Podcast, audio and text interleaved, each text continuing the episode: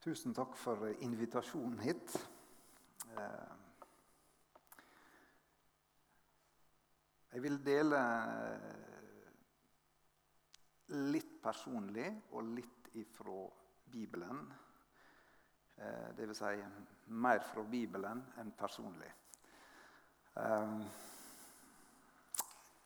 Hvorfor er vi her? Hvorfor er jeg her? Hvorfor er vi samla om Guds ord i dag, så lenge etterpå at Jesus levde? Ehm, Det var ganske spesielt for meg å oppleve at en kamerat i vel 20 år, når jeg var vel 20 år, kom til meg og sa at han hadde lovt far sin på dødsleiet at han ville ta imot Jesus. Eh, og Så kom han til meg og, og sa det, og jammen tok han imot Jesus og, og kom til tru eh, på han. Eh, det fins jo en, en, kokk som bor her i Stavanger, som har vært veldig på å Eh, disse her toppkokkonkurransene i Europa og i verden. Han er fra Bodø. Eh, han fortalte at han begynte med dette med kokk og skulle bli best fordi han lovte far sin det. Jeg syns det var en litt spesiell innfallsvinkel til det.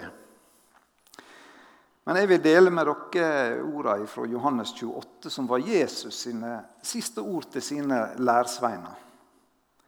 Eh, Bibelen har jo et, Det nye testamentet og er et, et testamente etter de første kristne eh, til oss.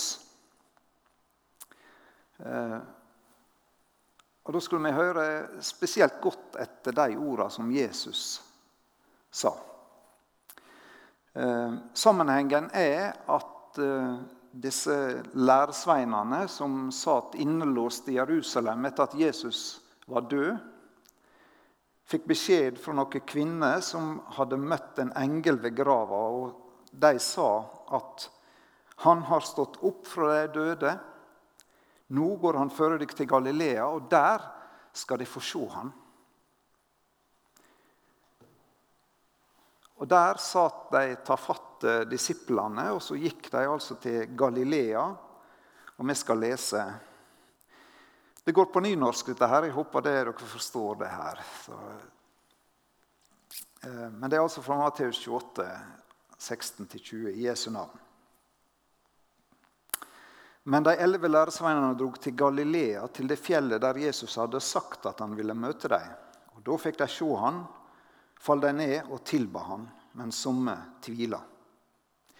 Da steg Jesus fram og talte til dem. Jeg har fått all makt i himmelen og på jorda. Gå derfor ut og gjør alle folkeslag til læresveiner. Døp dem til navnet Faderen og Sønnen og Den hellige ande, og lær dem å holde alt det som jeg har både dykk. Og sjå, jeg er med dykk alle dager så lenge verda står. Noen vers som er et oppdrag som er innramma av noen ord om makt og om en lovnad. Det har jeg lyst til å dele med dere. Det hadde vært en sånn opp- og nedtur for disiplene de siste månedene. Dette med Jesus, dette med presset fra de som ville ta både dem og Jesus. Og så hadde de satsa alt på dette, og så så det så uvisst ut. Ehm, jeg har tenkt på av og til at livet mitt, og sikkert ditt også, er som ei berg-og-dal-bane. Både rent menneskelig og også åndelig. Ehm, Jesus han ville møte sine før han ble borte fra øynene deres. Eh, og Det jeg måtte tenke på i dag når jeg satt og tenkte på det jeg skulle si, er at vi lever i samme virkeligheten som lærsveinene. når de møtte den levende Jesus. Jesu grav er tomme. Han lever. Han er ikke sånn som eh, samfunnet rundt oss sier at Jesus er en religiøs forestilling. Han lever. Han er en levende Gud, og han er til stede her i kveld. Selv om noen syns det var litt få her, så er Jesus her. Vi ser han ikke, men han er her med si ånd når vi deler hans ord. Så er han imellom oss. Og det forandrer alt at Jesus lever. Han kommer til oss som han kom til disiplene. Kjære Jesus, takk at du er levende mellom oss. Og Nå ber jeg Herre om at dette ikke blir mine ord, men dine ord som kan skape tru og åndelig mot i oss, slik at vi bøyer oss og tilber deg, og sier ja til å følge deg som disipler i ånd og sanning. Amen.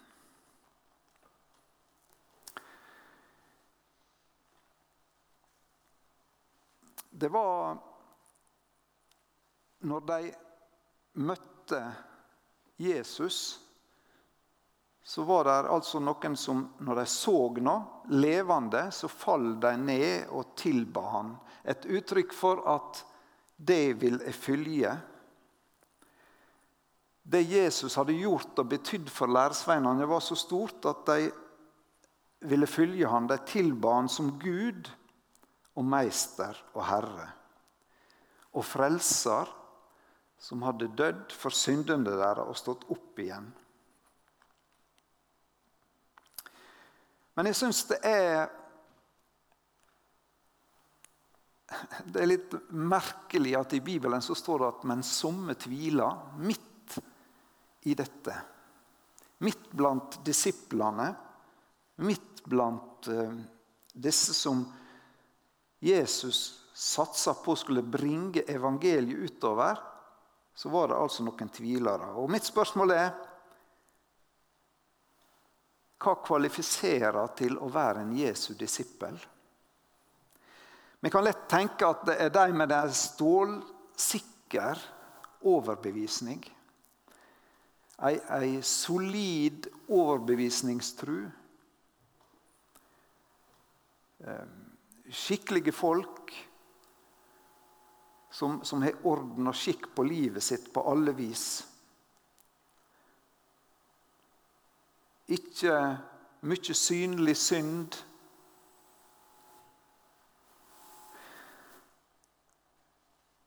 Det var noen som tvilte der. Og hvis vi tenker over hvem disiplene var, så var det en gjeng med menn som gjorde mye gale i følge med Jesus.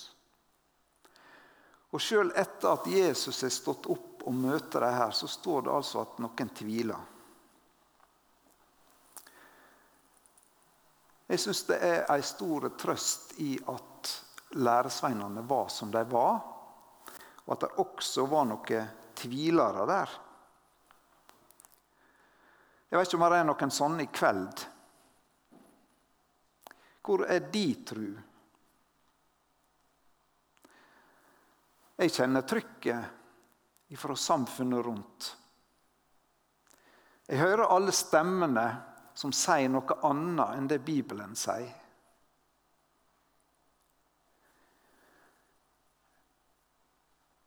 Fordi at Jesus er den han er, så vil han også at tvilere skal få være hans disipler. Syndere skal være hans disipler.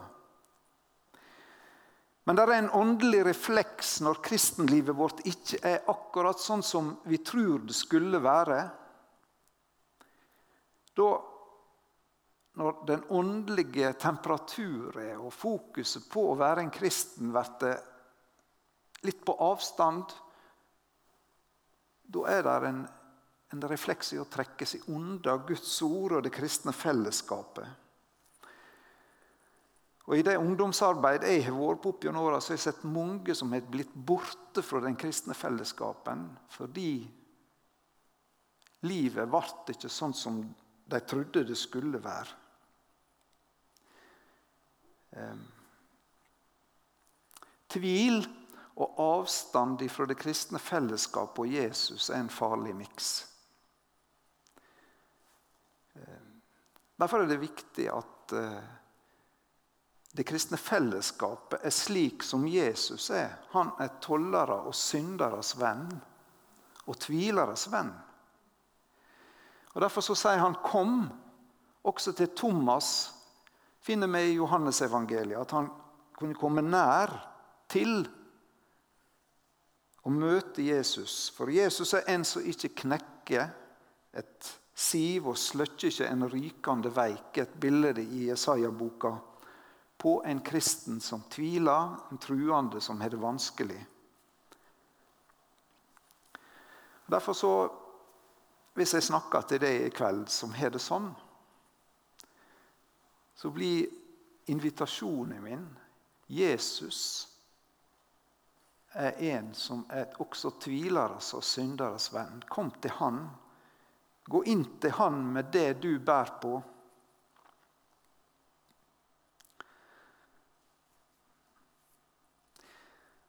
Så sånn sett er det et møte med Jesus og hans nåde for mitt liv som er utrustninga til å være en disippel. For å møte hans tilgivning og oppreisning.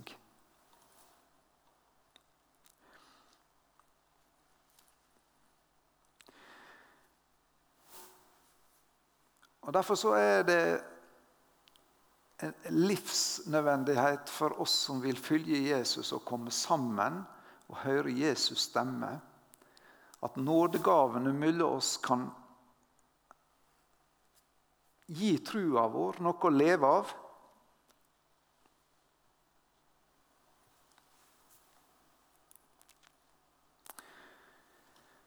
Så Så jeg har lyst til å si litt hvorfor skal vi høre på Jesus. Jeg syns den engelske teksten gir en ny farge på dette bibelverset her. Denne lovnaden om makt Han har fått all autoritet i himmelen og på jorda.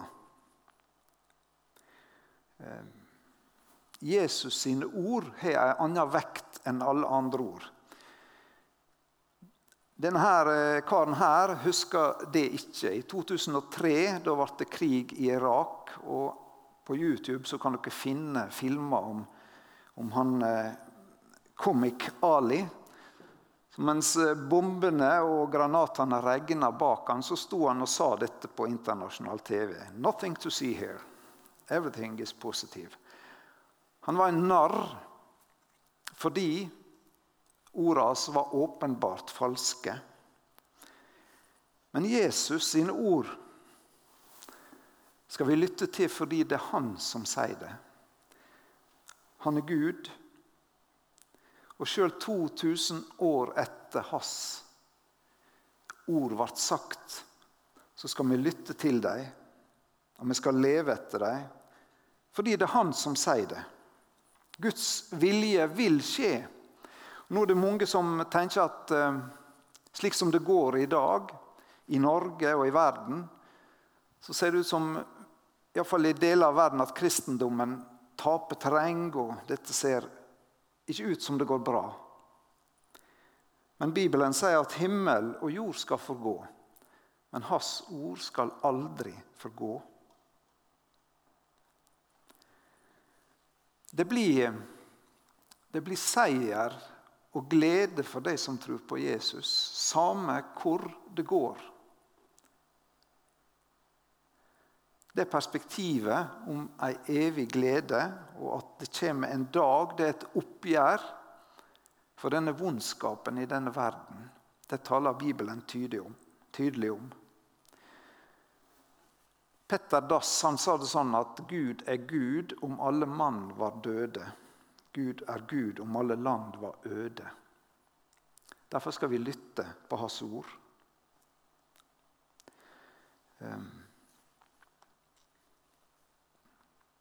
Hvorfor ble disse elleve som hører på Jesus i Galilea, disipler? De hadde gått sammen med Jesus i tre år. De hadde sett hva han gjorde. De har sett at ordet hans og livet hans, like til døden, det var konsistent det var ikke svik der. De har fått en tillit til at han som sa at han skulle stå opp, han hadde stått opp. Han som sa at han hadde all makt, han har vist en makt som folk bare undrer seg over. Disippeltillit er at jeg tror det du, Jesus, sier, sjøl om også når jeg ikke forstår det, vil jeg tro det.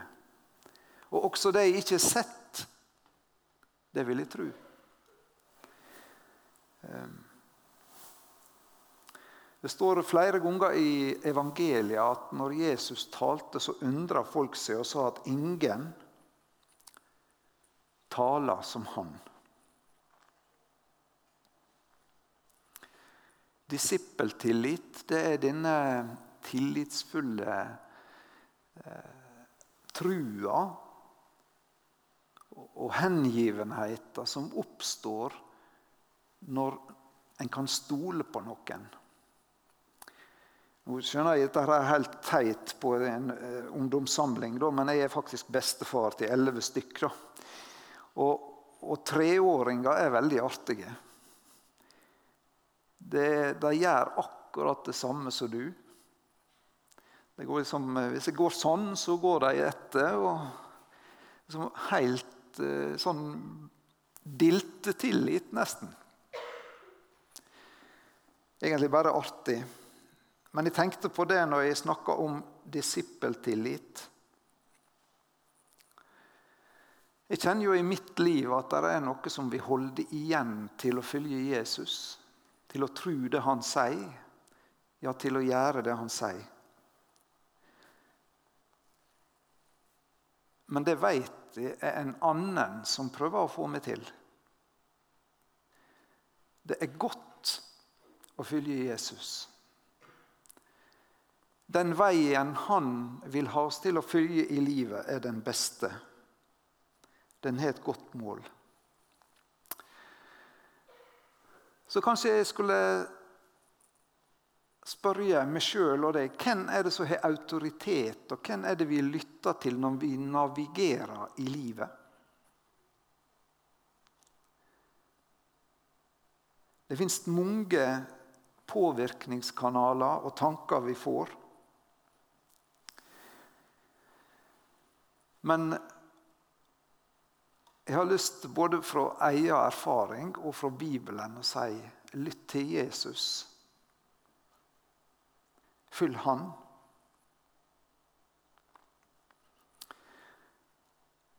Og så skal vi lytte til, til Jesus fordi det er, det er bare én vei til Gud. Det er bare ved å komme til Han at vi når det evige livet. At vi kan ha fellesskap med Gud. Det er ikke frelse i noen annen.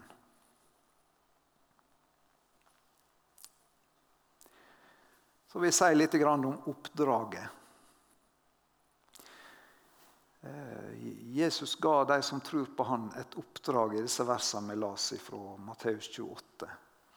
Og Her er et vers fra 2. Korinterbrev 5, der vi er sendebåd, eller som det står i en del andre omsetninger, vi er ambassadører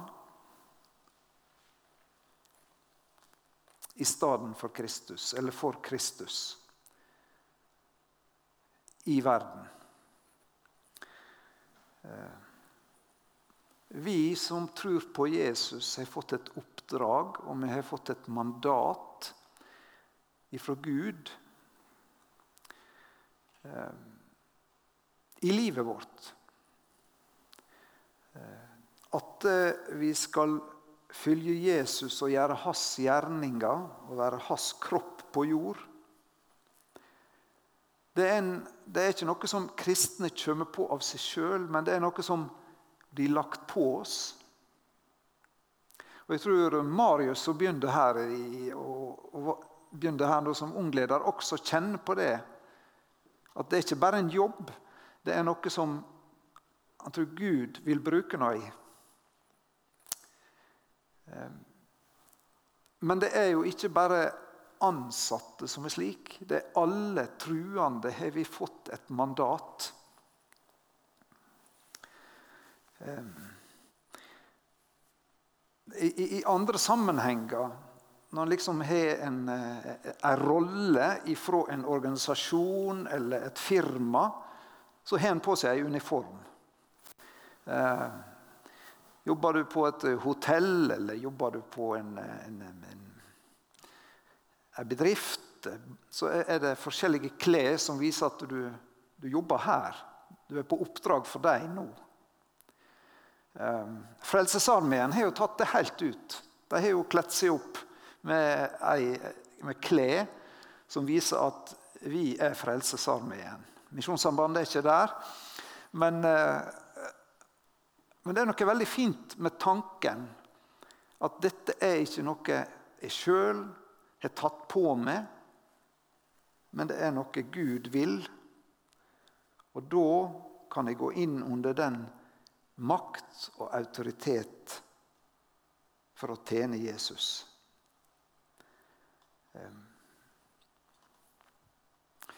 Jeg har møtt mange flotte folk som vil følge Jesus. Jeg syns det er så flott. Mange av dem har veldig lite tro på at jeg kan gjøre noe i Guds rike. Jeg hadde lyst til å, å løfte den bevisstheten litt hos oss. Vi har altså en, en, en budskap som mennesket trenger for å få håp og framtid. Og så har Jesus gitt oss et oppdrag.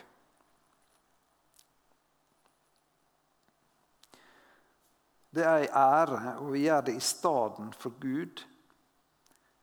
La deg forlike med Gud.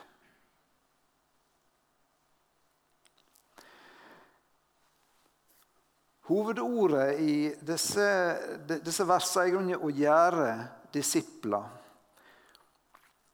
Og Da har jeg lyst til å vise tre bilder. Eller kanskje er det fire. Å være en disippel eller læresvein det er jo et eh, samme begrepet som blir brukt i utdanninga i dag om lærling. Ei eh, side ved å være disippel er å høre og studere og lære. Sånn som vi gjør nå. Hvis jeg taler rett etter Guds ord, så er det en del av Bibelen, av læra fra Jesus. Hva vil Jesus med livet våre? Hva vil han vi skal gjøre? Eh, og Det er veldig viktig at vi lytter til hans ord og får påfyll og lære hva vei han vil vi skal gå i hverdagen. Når vi spør etter hva vil du med livet mitt, Jesus? Så det er en annen side ved å være lærling. Jeg er et bilde av en sånn pottemaker med også en eh, instrumentmaker, der det er en meister og en lærling som lærer hvordan dette skal gjøres. Med tett oppfølging, med en erfaren lærer og veiledning. Jeg lurer litt på om vi av og til gjør Guds ord så teoretisk at du kan sitte her og høre på en tale, og så går det ut, og så betyr det ingenting fordi alt var ferdig her inne.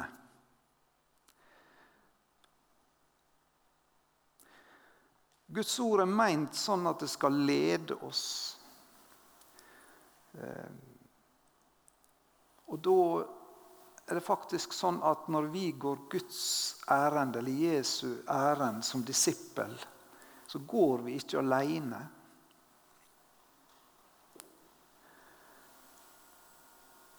Jeg har gått eh, en god del på husbesøk, som var evangeliseringsmetode på bygdene i min ungdom. Da gikk vi alltid to. Jeg vet ikke hva slags eh, sekt du tenker på når du hører det, men, men, men vi, vi, gjorde det. Og fikk noen samtaler. og Jeg husker jeg var veldig unge, og så har jeg med meg en litt eldre som, som skulle hjelpe meg ut av det når jeg meg fast i samtalen.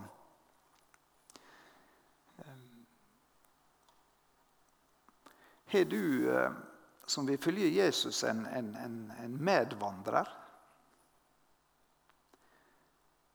Noen som du snakker djupt og åpent med om trua di og livet ditt? Jeg vil anbefale det.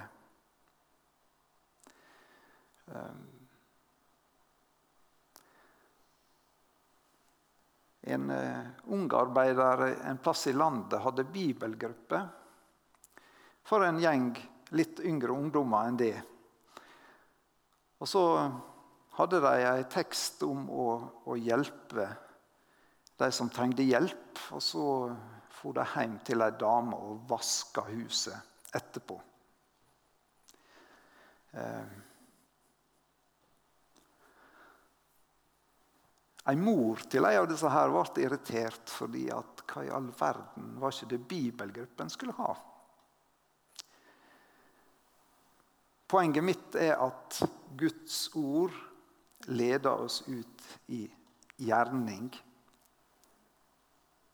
Og spreier Guds kjærleik og Guds handling i verden.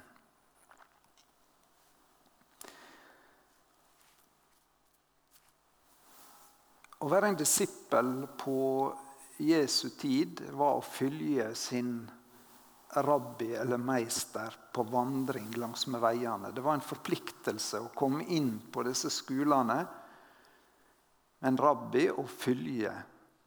Være med og se. Og dette leser vi om Jesus og disiplene. Um, I Johannes 13 så leser vi om hvordan Jesus vaska føttene til disiplene for å vise det. Um,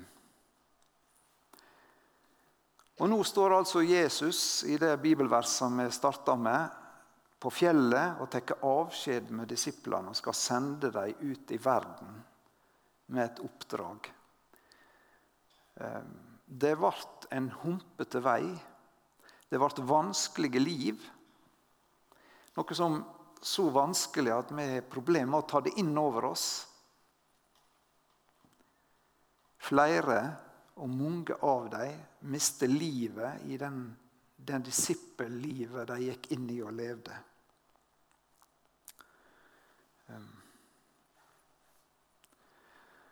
En forpliktelse. Eh, jeg tenkte på et, eh, at å følge Jesus er ikke noe passivt. Det krever noe aktivt fra oss.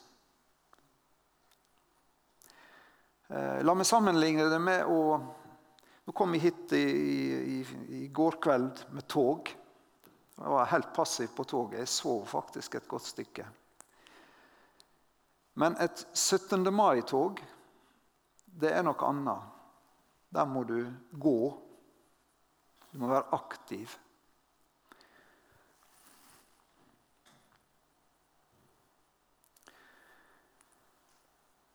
Jeg hadde lyst til å utfordre meg sjøl og deg har vi Jesus med i hverdagen vår? Eh, et gammelt eh, Gamle bokstaver.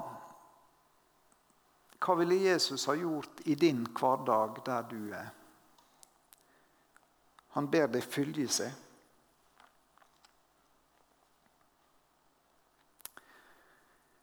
Eh, I meg bor det en eh, egoist. En som liker å ha det bare behagelig. Å følge Jesus kan være meningsfullt, men det er også ei side som må dø, som må minke. Johannes døperen sa det at Jesus skal vokse, og jeg skal minke. Det er et eh, velsigna liv å følge Han. Det er Misjonssambandet som, eh, som sender ut misjonærer. I høst har vi sendt ut 40 nye utsendinger. Eh, vi har ei som heter Solveig, og en som heter Øyvind, som sitter på Flekkerøya og skal til Japan. Det er ikke disse dere ser på bildet, det er to vi har sendt før. Eh, men eh, Japan er stengt, så de sitter og leser Japan på nettet. Japansk på nettet og skal lære språk på nettet inntil Japan åpner grensene. Det var tungt. Blir, du stiller deg noen spørsmål da. Er, hva tenker du, Gud? Jeg sitter her. Men de har en forpliktelse og ber og håper om at Gud må vise vei og velsigne også disse månedene de har sittet der. Ehm, enda i dag er det mange både ute i verden og i Norge som ikke kjenner Jesus. Det er vårt kall.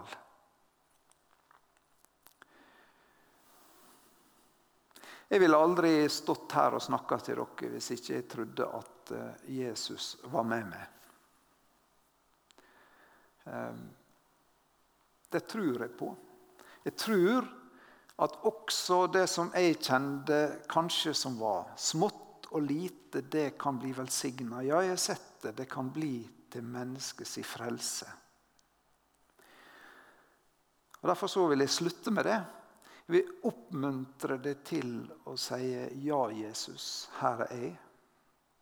Send meg'. Amen.